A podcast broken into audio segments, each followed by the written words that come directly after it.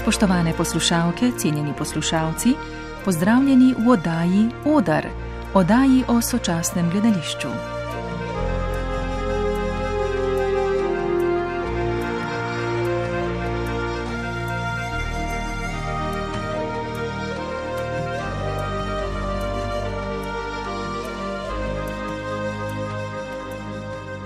Na novi pošti v Ljubljani je nedavno kolektiv igralcev premjerno prizoril predstavo Solo v režiji večkrat nagrajene režiserke Nine Rajč Kranjac. Mnogi izpostavljajo, da gre za glas nove generacije. Predstava je nastala v koprodukciji Maske Ljubljana in slovenskega mladinskega gledališča.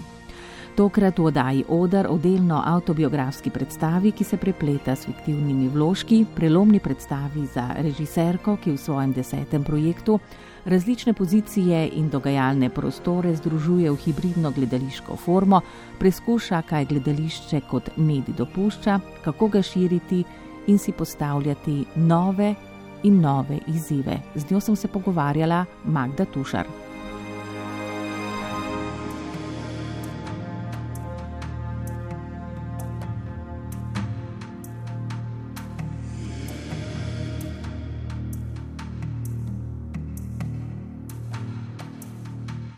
Nina Rajč Kranjac, predstavo Solo nas pošiljate na autobiografski izlet in dogodkovni vrtiljak resigniranih in divih, tako duhovitih kot žalostnih, hibridnih gledaliških pripovedi, ki se porajajo tudi iz namišljenega, ne le dejanskega.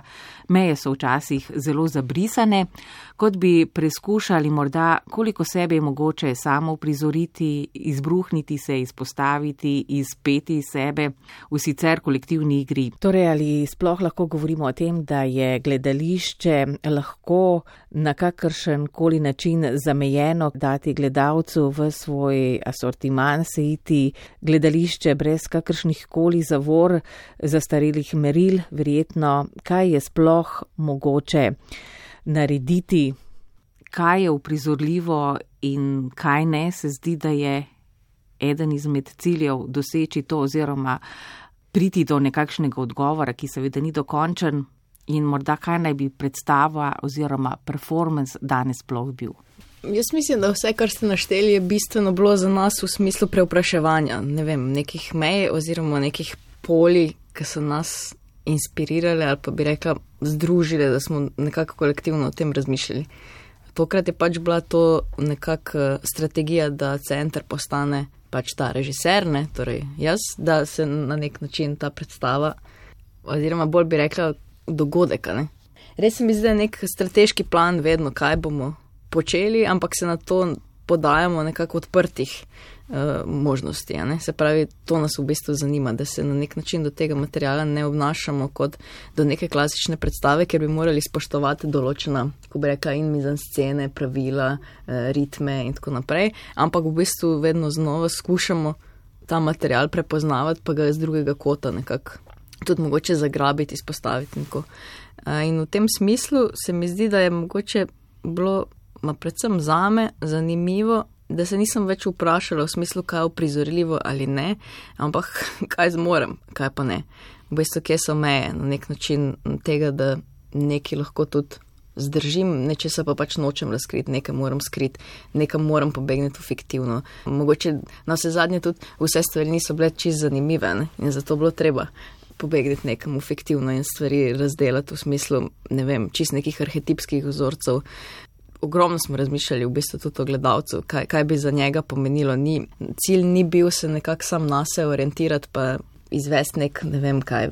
Kaj zvem, nek egotriperski moment, ampak je bila v bistvu želja mm, nekako skozi, da jim reče ta hecen poklicne režiserja, razpet na ta način, da v bistvu kdorkoli, ne glede na, mislim, a se ukvarja z isto, z isto stroko, ne, se v tem lahko ugleda na nek način. Da je bilo v bistvu bolj zanimivo gledati nekoga, ki je rojen leta 91, nekoga, ki je star toliko kot ta država, nekoga, ki prihaja v bistvu z nekih drugih koncev, da mu reče, ne pa je v bistvu vse, kar pa je identitetno zgradil, pa je gradil na teh prostorih tukaj v Sloveniji. Ne. Se pravi, taki neki konkretni označevalci so nas pač zanimali v smislu oziroma mene je to zanimalo na nek način si na neka vprašanja odgovoriti mogoče in na drugi strani mogoče kaj novega tudi ugotoviti. No, Kako dosežete to, da gledalca predstava dejansko zanima, da mu ni dolg čas, da zraven razmišlja, da je hkrati aktiven, interaktiven. Se pravi, predstava je dolga približno 4 ure, lahko je mm, tudi 3, mm, mm. glede najbrž na same okoliščine, odvisno od tega, kam vas ta predstava zapelje. Ampak ta predstava ni dolgočasna, recimo, čeprav je dolga, ni naporna.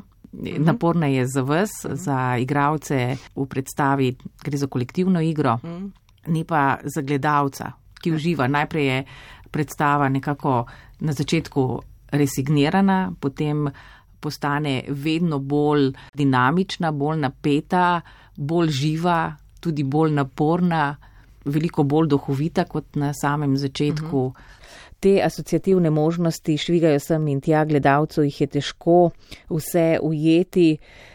Z referencami vred ste imeli to, kako držati gledalca in ga obdržati že v sami zasnovi priprav zamišljeno, že od vsega začetka, kako narediti predstavo, sploh ali kako se je lotiti v tem odnosu do gledalca. Mhm. Kako to dosežete? Mm, mislim, meni je zanimivo, zato ker se pojavlja neka paralela, da v bistvu so potrebe ustvarjalca v tem materialu na nek način srodne potrebam gledalca. In v, v tem smislu je, se to nekako kar organsko dogaja. Ni uh, v smislu nekega programiranja ali pa režiranja nekega materijala, to bilo načrtno spostavljeno, ampak enostavno se mi zdi, da je tako, kot se ona začenja, ne, ta dogodek, ne, ta solo, iz v bistvu tega, da jim reč teh autobiografskih dveh pripovedi, kratkih, ne, se mi zdi, da je znotraj njih eh, postavljeno vprašanje ali pa seme ali pa vsebinska neka zanka, ki je dovolj zamotana ali pa skrita, da pomaga k temu, da, da gledalec vstopa, ampak prav zares nič ne ve. Še. In v tem smislu nabiranja informacij skozi predstavo se mi zdi, da drži v pozornosti in hkrati omogoča tudi performativno, da v bistvu te stvari mi razplastimo v neke druge odvode, v neke druge tokove te tega materijala. In to se mi zdi, da je pol za nas bil največji užitek, ker ni v resnici, kot sem prej rekla, neka fabula, ki bi v bistvu počasi odkrivali, ampak je. Ja, pač dogodkovnost samo po sebi narekuje, uh, kako bi rekla, in tempo in znemirjenje. No, Predstava deluje zelo eksperimentalno, ne hierarhično, včasih celo anarhično, je improvizirana, v bistvu gre na nek način za dekonstrukcijo in ponovno konstrukcijo, uh -huh. ne samo v tem performativnem smislu, ampak dejansko kot delo v predstavi. Uh mhm. -huh. Ja. Jaz mislim, da je to nek prepis tudi uh, nekega psihološkega stanja nekega posameznika, ki v bistvu si zastavlja neka identitetna vprašanja in se na nek način mora razsud za to, da se bo nazaj sestavil z nekim novim uvidom o sebi. In je bilo zanimivo to na nek način poskušati prepisati v samo gradnjo da ima reč tega materijala. Ne. Ampak bi pa rekla, da ni bilo vse čisto pod nadzorom v smislu. Neke stvari so se kar začele dogajati. Nas je, na primer, zanimala pač nivo uh, sprotne montaže in tega, da v bistvu lahko v katerem koli trenutku zavajamo publiko, da je to v resnici bilo dogovoreno ali ne, kam to gre, da je v bistvu ravno ta umestna cona na nek način za nas bila toliko bolj gledališka, pač na nek način so se stvari začele odpirati bolj vznemirljivo. No? In v tem smislu je to po mojem, tudi posledica, da se stvar dekonstruira in potem spet nazaj sestavi. Da, da peljemo nekam, ker se človek v bistvu zgubi in mora res asociativno vstopati v material in ne iskati pravzaprav eh, neke naracije, neke zgodbe, na katero bi se oprijel, ampak v bistvu gleda eno sebe, ki ga bomo slekli in potem nazaj uh, oblekli. Večkrat v predstavi izpostavite tudi nekatera teoretična dela, tudi ljudi, ki ste jih eh, spoznali, sestavljate izjave, navedke, citate še živečih umetnikov gledališkega sveta in tudi že preminulih, ki so vam pomagali. Očitno ste se od njih učili ali pa so na vas kako drugače vplivali. Ena izmed misli citatov je nekakšen ponavljajoč moto, režiser mora biti problem ali režiser je problem Uh mhm. -huh. Ja, to je uh, izjava Vuka Torbice, Igora Vuka Torbice. Mislim, on je bil zanimiv tako uh, v smislu artikulacij njegovega, njegovih stališč o tem, kaj naj bi teater bil, oziroma kje se on končuje, oziroma na kak način on lahko vpliva na družbo. In uh, v enih od teh pogovorov, mislim, da to bilo poletje v drami, um, je zjavil, da je teater više ni opasen, torej teater ni več uh, nevaren, ne? Tudi da je obkrožen z real politiko, ne? kar se meni zdelo odlično, ampak je nadaljeval, da ga je v bistvu treba z vsemi sredstvi braniti. Ne? In pa je v bistvu odgovornost prepustil režiserju, da uh, je bistvo, kot da kot ustvarjalec več ne postavljamo samo vprašanja, ker to bila neka taka, da mi reč, zlajna stvar, ki jo vsi ponavljamo, ne? pač treba se vprašati o nečem in treba je zred v nekaj okoli tega vprašanja na odru. On pa je v bistvu šel dlje in rekel, da ni več na tem, da se postavljamo vprašanja, ampak da režiser postane ta, ki je problem. Da se skozi njega v bistvu skanalizira, da imaš problem te družbe okoli. Se pravi, da je on v bistvu kanal ali pa dvorni norec ali pa ta vodolutka za pač neke simptome neke družbe. Kar se mi zdi, da je srodno tudi v poziciji igralca, naprimer.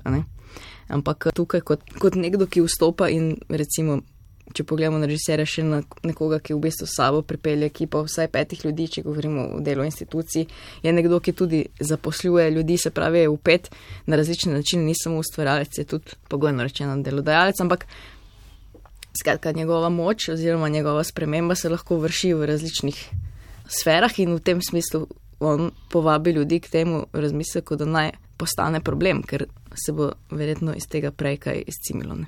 v smislu spremembe na boljše. Iz nekaterih intervjujev sem razbrala, da ste razmišljali najprej, da bi bila ta predstava oziroma ta dogodek ali performance bolj družbeno angažirana mhm. predstava. Kasneje ste se premislili, ker je včasih tako najbrž, da se, ko postavljaš neko vprašanje, zaletavaš v steno v resnici. Ja, pa v bistvu je nekako ostalo na površini nekega papirnatega, mm, kako bi rekla, nič živega se pravzaprav ni zgodilo. In uh, v tem obstaja tudi frustracija, kako zdaj govoriti o problemih znotraj ustvarjalnosti in eh, znotraj pač, da me rečem, poklica tega ali pa celo poziva, kako o tem govoriti teoretično. In kadarkoli sem v bistvu, ker to sem jaz kar dolgo počela, jaz sem mislim, da en mesec pa pol poskušala na nek način komunicirati skozi te prizorčke, ne? neke stiske oziroma probleme, ki jih mi dejansko pa živimo zdaj v smislu financiranja kulture, v smislu tega, kam je ona postavljena, na kak način jo država tretira, uh, kakšno je njeno mesto oziroma njena nemoč. Ne? In ko sem to v bistvu delala, se mi je zdelo, da material, ki ga bom kazala, če bo šel v to smer, bo govoril prepričanim, ne? ne bo pravzaprav nič spremenil in tudi v resnici je bil en čisti dolg čas to. Na kar se mi je zdelo pomembno, ta vprašanja ista premakniti v polje nekega subjekta, ne? torej nekega človeka. No, tu so se pa stvari pač začele, se mi zdi, odklepati. Tako da sem se vseeno se ukvarjala z določenimi vprašanji uh, iz torej prvega dela vaje, se pravi tistih mesecev pa pol, ampak pa smo v bistvu zajadrali prav v to, da dajmo postaviti tega režiserja v različne življenjske okoliščine in dajmo iz tega gledati, če to mogoče generira iz drugega kota neke informacije o tem, kje smo tako kot družba in njena kultura ne? in umetnost mogoče celo. Tako. To, da bi imeli straho spoštovanje do zgodovine teatra ali do morda izstopajočega, morda celo kanonskega, tega ni zaznati. Ne glede na to, da je ta predstava laboratorij, da torej ni nikoli dovršena predstava, ker ne more biti, torej je neke vrste eksperiment, presprašujete torej te konvencije gledališča, to sva nekako mm. že uh, nakazali, formalno ali neformalno, se najbrž niste učili le skozi izobraževanje samo iz že omenjenega, da ste prišli do tega, kako delati iz gledališča teater, da nimo ste se gotovo učili ob določenih ljudeh, ki so vas morda brusili do teh spoznanj, nabirali izkušnje in oblikovali svoj umetniški kredo. Mhm. Ja, obstajajo definitivno in ogromno jih je. Pa recimo, bi rekla, da mogoče največja, največja, ne samo hvaležnost, ampak mogoče celo sreča se mi zdi v tem mojem šolanju, da sem pravzaprav imela mentorja to, Tomija Janežiča, ki je v bistvu me spustil v smislu observiranja nekih umet, pa recimo ustvarjalnih procesov mnogo bliže, da sem lahko bila res na različnih projektih, v različnih državah, različnih nekih, ko bi rekla, kontekstih. In v bistvu lahko od blizu gledala, kako nekdo ne, v različnih gabaritih nadaljuje oziroma razvija svoje delo. To, to, to je res se mi zdi, da velik privilegij in je na nek način sreča, ne? ker za take stvari je ponavadi treba, ne vem, plačati ogromno denarja v smislu nekih workshopov, delati ne, vse možne audicije, torej po tujinah je to res um, težko. No?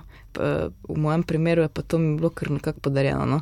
In v tem smislu je, recimo, sem noro hvaležna in tudi mislim, da je to v bistvu bila največja šola, ker sem lahko gledala v praksi. Ne? Se pravi, bila priča v praksi, kako nekaj nastaja in to ne nekaj, ampak se mi zdi, da kar dobrega in vrhunskega in v tem smislu se človek se mi zdi ogromno uči. Ne? Potem tudi se mi zdi pomembno, to se mi zdi mogoče največja lekcija, da je to delo, ki ga jaz na nek način upravljam, zelo povezano z ljudmi. In da oni definirajo v bistvu, kakšno potovanje bo to, če rečem malo bolj tako poetično. Ne? Zato, ker uh, v ustvarjalnosti je pač obstaja točka, kjer človek lahko dela v nekem udobnem okolju, eh, brez strahu, ampak eh, pri tem se tudi na nek način ne pojavi nobena ranljivost in se ne gre nekam čez, nekam dlje. In ko pa imaš ljudi okoli sebe, ki ti to v bistvu omogočajo, te v tem bodrijo, so ti na nek način ne samo opora, ampak v bistvu nekdo, ki te vabi, nekdo, ki ti odgovarja, nekdo, ki ti kontrira, nekdo, da, da so to res sreč, srečevanja in trki, no takrat je pač to, ne, ne more človek sploh reči več delo, ampak je na nek način nekaj, kar sploh ne bi nehal početi. Ne? In zdaj recimo bi sam še rekel, da so to, naprimer, definitivno ti igravci, s katerimi smo delili solo, pa še mnogi drugi. Ne? Torej v solo so še Marko Mandič, Benjamin Krnetič, Nataša Keser, pa Mince Lorenci. Ampak recimo uh, uh, sodelovanje z, z Gašperjem Tičem smo definitivno, zdaj to bil prvi prvenec, ne, uh, me je na nek način, mislim, ta človek mi je odprl pač polje v smislu in komedije, v smislu um, prav gradnje neke linije, neke, nekega lika, ki ga lahko v bistvu zelo povežeš z nekim autobiografskim delom. In tu je recimo on bil pogumen in pač to odpiral z ogromno dozo samo ironije in res je obvladal pač te obrate, ko bi rekla, veščina. Tega se težko učiti, če ne vidiš pravzaprav eh, nekoga, ki to stresa z rokava. Ko vidiš to popolno lahkoto, se na nek način lažje tudi navdušiš oziroma do, dobiš dostop do enih drugih stvari, ki jih mogoče v knjigah se jih ne da prebrati. Pač. Tako da on recimo in je ogromno še ljudi, ampak da jih zdaj ne naštevamo. Ne? Uh -huh. ja, vmes sem se spomnila, da je predstava večjezična. Uh -huh. Igravci, ki ste jih izbrali, gotovo vas, vas vežejo neke skupne energije, bom tako rekla. Uh -huh. Ampak zdi se mi, da vsi ti igravci poznajo, da nimo srpski jezik. Uh -huh. Ja, vsi smo čefuri. Tako da to je bila neka super ekipa, ampak mi in Lorenci pa naprimer nijane. In v tem smislu so tudi bile neke zanimive srečevanja in tako, ampak. Um, Ok, to sem rekla bolj iz heca. Uh, je pa dejstvo, da mogoče moja generacija, mislim, jaz se ubadam za vprašanje identitete in tega, in to vprašanje, kje je moj dom in kam jaz spadam, me nekako cel čas spremlja. In tudi ne morem se prav zares odločiti, ali sem od tukaj, ali sem od tam, ali kaj jaz sem. Uh, in to se mi zdi, da nas nekako druži mogoče v tej ekipi, predvsem z mlajšim delom.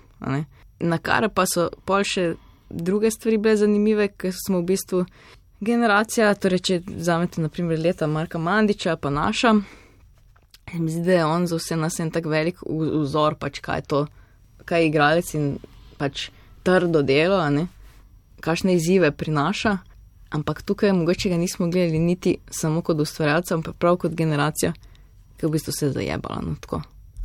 In v tem odpiranju uh, in v teh nekih trkih in prelaganju odgovornosti in kazanju prsta se mi zdi, da smo na nek način se dokopali do nečesa, kar je bilo za nas vse vznemirljivo, uh, uh, ker nam je bilo zelo udobno obtoževati.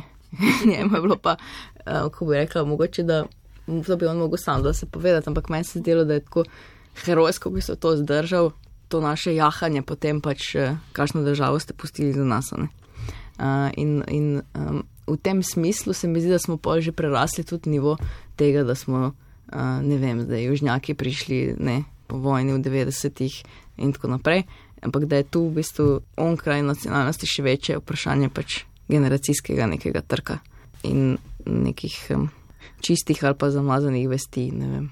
Menite tudi, da ne veste, odkot točno identitetno ste. Seveda vprašanje, če obstajajo recimo temu stabilne identitete, trdne in jasne, govorimo lahko o večjih sestavljenih, tudi že pretočnih identitetah. To je seveda morda premislek za prihodnost, sami pa mislim, da ste rekli, da se med predstavo lupite kot čebula vse do jedra, pa se mi zdi, da se ukvarjate tudi samimi okoliščinami gledališča in se van zazirate, ga naslavljate.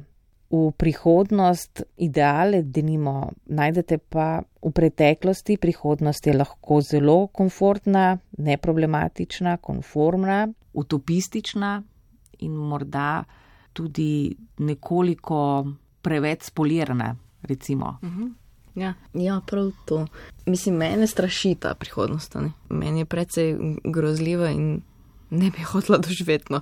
Take, kot jo kažemo v, te, v, te, v tem zadnjem koncu ne, tega dogodka. Ampak um, za me je bilo bistveno pač uh, se pomiriti s tem, da dikcija ne, tega, tega zdaj sveta, tega sistema, pač, kjer v bistvu ne je uspeh in uh, te, se pravi, imamo besede uspeh, poraz, uh, uh, zmaga, uh, ne vem kaj, napredovanje in tako naprej. Izguba. K, ja, kada smo. Vse v tem. In ko smo pač snovali ta material, smo bili blazno občutljivi na, ta, na take vrste pač, uh, besede in mehan, nek, ne, neko razmišljanje, pač, ki se nam zdi, vsaj v tem polju ustvarjalnosti, čista zabloda. Se mi pa zdi, da, da, da pa svet pa drvi v to, da se to čim bolj in še bolj na nek način spodbuja, to temu daje ceno, da ti s tem v bistvu se nekako tudi v, v neki družbi rangiraš. Ti si kar naenkrat pač del enega večjega mehanizma, ki se ga vrednoti glede na njegovo delo, glede na njegove uspehe, glede na njegove pace. Uh, in pol je bila glavna teza tega zadnjega prizora, da v bistvu bi zmagovalec v prihodnosti, če bi to sploh še obstajalo, moral biti oziroma samo ta, ki je pač poražen. In v tem absurdu se mi zdi, da se nekako ta utopija in čudna, čudna, čuden presing začne uh, odklepati. Ne. In pol je bilo meni zanimivo, pa ne vem, če nam je to uspelo, ampak da v bistvu ta prihodnost je naša sedanjost. Očitno, recimo ja. konformizem ja. današnjosti, ja. se pravi ta nekarakternost časa mm -hmm. ali pa neosebinskost časa. Nekaj, kar je zelo anemično. Mm -hmm. To besedo tudi veliko krat se mi zdi slišimo, ampak dejansko občutimo nekaj, kar nima teže. Čeprav je težko, kot da nima teže.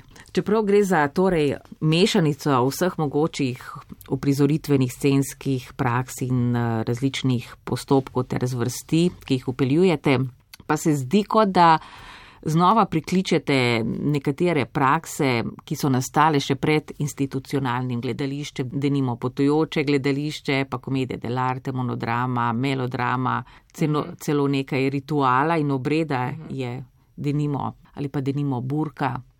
Ali pa morda bolj eh, sodobne karaoke ste te forme zavedanjem upeljali ali ne? Ja, nujno. Jaz mislim, da smo hoteli v bistvu nagraditi publiko za prvi del, da je to zdržala, ko pride ven in narediti nek salto mortale in v logiki in v pripovedovanju, v tipu pripovedovanja. Hkrati pa ima to v bistvu neke zveze tudi z tem identitetnim preizpraševanjem, ker nam je bila recimo glavna od nekih um, referenc, prav za drugi del uh, so bili maratonci, skratka vsi filmi tega obdobja pač Jugoslavije, ki so, kako bi rekli, mislim, totalno odpuljeni, duhoviti in hkrati nenormalno resnični. Pač to je res kvalitetna komedija, ki je na nek način nastala. In uh, nismo hoteli v bistvu tega kopirati, ampak smo hoteli na nek način preizprašati to polje skozi nek, um, ne prav, uh, jaz bi temu rekla, prav šlampast poskus igrati se nekaj takega. Ne? Igrati se v bistvu filme iz otroštva, igrati se te, principe in to nas je v bistvu strašansko zabavalo. In pa se zdi, da zato sem rekel tudi na začetku, da so potrebe ustvarjalca pri tem materialu na nek način enake potrebam gledalca. In to je čisti magic v bistvu. Tako da smo razmišljali o tem, kam stvar prelomiti, predvsem pa mene zanimalo, kako stvar speljati nazaj na kolektivno, a ne ker solo, kot sama beseda, se je zdelo, da bo to v bistvu ena, en prikaz nekega ustvarjalca, ki ima določene veščine in se zdaj v tej formi sam znajdeva in ta drugi gledalec z njim potuje. Ampak mene pa bolj v bistvu zanima prav ta neka ustvarjalna samota in hkrati, ko bi rekla, prav režiserjev solo, da bi to bil nek labodi spev, ne, v tem smislu nekega zadnjega eh, dejanja ali pa nekaj za, enega za okroga ali pa zaključitve določene faze. Vseeno, to je zdaj bila deseta predstava. Ne da neko potrebo sem imel v bistvu neko stvar zaključiti, tako v smislu in vprašanj, ki si jih postavljam v teh predstavah in mogoče tem, uh, in da to neko povabilo v neko, ne bi rekla novo obdobje, bi bilo mogoče pre, pretenciozno, ampak v, v neka nova polja, no, da se spustim tako. Iskali ste nove energije, nova rojevanja, gotovo ne gre le za kolektivno igro v predstavi solo, lahko govorimo tudi o kolektivnem avtorstvu, vse pa se steka tudi v že nakazane strahove, kaj bo z vami, kaj bo z gledališčem, izgubi svoj družbeni pomen, ki ga je imelo vse od nastanka naprej. Kaj, če gledalec izgubi zanimanje zanj, če usahne volja ali želja po njem, po njegovi vlogi. Jaz mislim, da to ni mogoče, da se to ne bo nikoli zgodilo, je pa problem, da je zakon trga in pozicija, kam se, to, kam se ta teater tišči, pač eh, grozljiva. Zato, ker je v bistvu naravnana nekako na neko zabavljaštvo in mislim, da to niso potrebe gledalcev, ampak da pač oni gledajo to, kar se jim daje na repertoarje, to, kar se jih, k čemu se jih povabi. Ni naloga in odgovornost gledalca ali publike, da izbira in razmišlja o tem, kam bi teater moral uh, se umeščati. Ne? To je naša naloga. In v tem smislu se mi zdi, da smo mogoče preveč, eh, preveč to uh, jemljemo kot, um, da se nam je to zgodilo, da se nam je to pripetilo, ne pa da imamo v bistvu na nek način sami uh, absolutno moč to spreminjati. In v tem smislu, jaz mislim, da se to nikoli ne bo zgodilo, da bi ta trez umrl, predolgo je že živ. Uh, ta, v bistvu je to eno presenečenje, se pravi, tega smo vedno veseli. Prideš v teater, zato ker vidiš, da nekdo nekaj pripravil in imaš pojma, kam to gre in je super, ker v bistvu si povabljen in, in pičeš v neko zgodbo na način pač presenečenja. In v, v, v tem smislu je to je neka osnovna potreba, ki ne bo nikoli zamrla. In na drugi strani ta možnost za projekcijo, ki se začne dogajati. Se pravi, da jaz v bistvu lahko medtem, ko gledam neke ljudi, ne da bi se tega zavedno zavedala, cel čas upravljam neke vrste projekcijo in oni so mediji za moje strahove, za moje bolečine, za, za moje razmišljanja, ampak na nek način nisem ta, ki mora to zdaj oddelati, ampak to delajo oni skupaj z mano. Pravzaprav iščete ne pasivnega, ampak aktivnega gledalca. Ki pa je po mojem vsaka. Ne? In ki pripomore k spremembi znotraj gledališča in tudi sicer. Ja. Ker mislim, da vse zavisi samo na tem, kako ga ti pelješ, oziroma kakšno kodo boš zakodiral v tej igri, ki se jo boste šla. Gledalec in ta, ki ga vodi, ne igralec, performer, kdorkoli, na odru pač. No, um, sami menite, da ni potrebe posebej ločevati med institucionalnim gledališčem in pa drugimi, delimo, poli ustvarjanja zunaj institucij. Stereotipno gledano naj bi mimo repertoarnega gledališča, da nimo vrelo gledališko življenje v svobodi, kar seveda ne drži, kot ne drži tudi, da se obe poli ne prežemata. Še kako se, ampak ali bi se morda lahko odločili, v obeh sferah ste delovali doslej, kaj vas pa kljub samo bolj zanima? Um, oboje, res se ne morem deliti. Eh, mislim, da ima vsak prostor svoje zakonitosti v smislu obsega nekega dela, torej v smislu čist neke produkcije, finančnega, pač uh, finančnih pogojev. Tu sta si zelo različna, ampak uh, načeloma pa vsem drugem, kar se da v obeh prostorih početi, se mi pa zdi, da me oboje zanima, ne bi v bistvu ločevala, ne bi se postavljala nek, da nekaj bolj preferiram kot kaj drugega. Ampak uh, mogoče se mi zdi tudi ta stvar, zdaj se v bistvu pojavljajo hibridni prostori, ne, ki so na nek način pol institucije, pol neinstitucionalna scena uh, in v njih vidim neko ful veliko. Uh, možnost za nove neke izkušnje in tudi za neko novo prihodnost, ki se ne bo rabila ukloniti ne, neki um, ne vem, če že razmišljamo o abonentski politiki, vse to, to so pač neki zakoni, ki teatre dobesedno prehranjujejo, na nek način jim omogočajo, da, da, da oni živijo, ampak v sami logiki abonmajo je pa to skregano v bistvu z tem presenečenjem, o katerem sem govorila na začetku, da bi v bistvu ubilo ne, uh, same predstave potem. Ne. Če sam pomislimo, da recimo ena igralska trupa mora neko predstavo igrati več kot 70 krat. Ne. Koliko krat računate, da boste igrali to predstavo? Solo. Mislim, da ful malo, ker da nimamo niti novih terminov še napovedanih, pa tudi vreme se je začelo ohlajati, tako da ne vem. Ampak recimo to je specifično, ker v bistvu nikoli ni ista, ne. Tudi če, tudi če material je tukaj, ni zdaj, da si mi izmišljujemo nove stvari, ampak v, v, v smislu neke. Mm, Prilagajanja. Ja, pa po, po postopku ne, je, pa, je pa v bistvu ful sveža mogoče to tudi prihodno za naprej, no, ampak eh, za, za druge materijale. Ampak ja, jaz mislim, da je ključ v teh hibridnih spajanjih, eh, konstantnem povezovanju, treba je prevetriti, se mi zdi, prostore, v, v, v smislu tudi sodelovanja. Pozdravljam recimo vse koprodukcije, to se mi zdi pač bistveno in nujno. Mislim, da je za vse igralce nujno, da se tudi povežejo, če, ker Slovenija vendarle ni, da bi rekel človek, velika, velika, velika država. Ne? Mislim, to je zelo obvladljiv prostor in tudi majhen prostor in mislim, da bi morali čim več skrbeti za to, da se tu v bistvu sodeluje, da se prepleta, da ni nek način pretočno in da cel čas skrbimo sami zase, da v bistvu ni, da ni neke, kako bi rekla, uspavanosti ali pa varnosti znotraj tega, da pač uh, pademo na to, da je treba nek ali pa ma pač oddelati. Tako se mi zdi, da, da prihajajo neki novi časi, kjer bo to mnogo bolj se mi zdi vznemirljivo. Eh, občutek imam, kot da govorite o spajanjih, ki jih že poznamo iz mednarodnega filmskega prizorišča, se pravi, gre za koprodukcije. Večino filmov ni, ne gre več za te nacionalne produkcije, ampak koprodukcije, da nimo treh, štirih, petih držav ali celo več.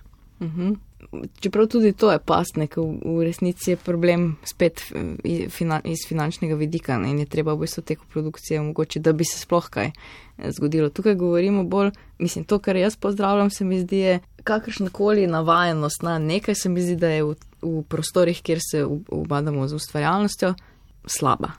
Se pravi, več kaj spremem, več kaj v bistvu nepričakovanih obratov, boljše se mi zdi, da se uh, boljše stvari pač nastajajo. Tudi mislim recimo o tem, da uh, uh, so se pokazali recimo primeri, kjer so ljudje, naprimer, uh, ne delali več predstave samo veliki, na velikem odru, ne v italijanski škatli in tako naprej, ampak da obstajajo možnosti s teatrom prid na saj specifik mesto, oživeti določene četrti, pripeljati ne zgodbe, ki so v bistvu za družbo pomembne, in, in, in znotraj tega realnost na nek način m, mm, bolj ujeti in jo reflektirati. Ne? Ker um, zdi se mi, da zamujamo priložnosti, ko stvar zapiramo na, uh, na nivo pač nekega buržuaznega zdaj modela. Ne? Gledamo neko predstavo, ki pravzaprav nima neke veze z nečim, tudi noče o nečem komunicirati, ampak je tam zato, da se pač zasanjamo.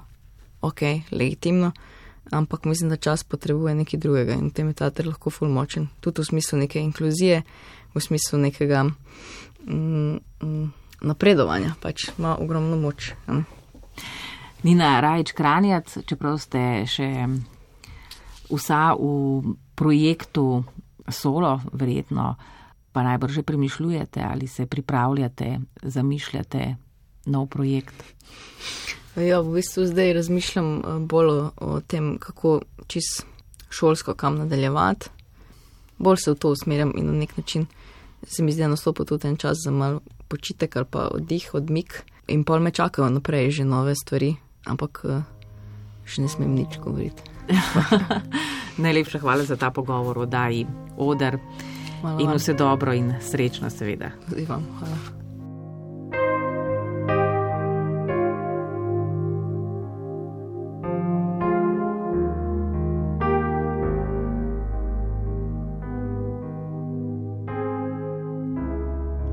V oddaji Odr sem se z režiserko mlade generacije Nino Rajič Kranjac in njeni prelomni predstavi pogovarjala Magda Tušar.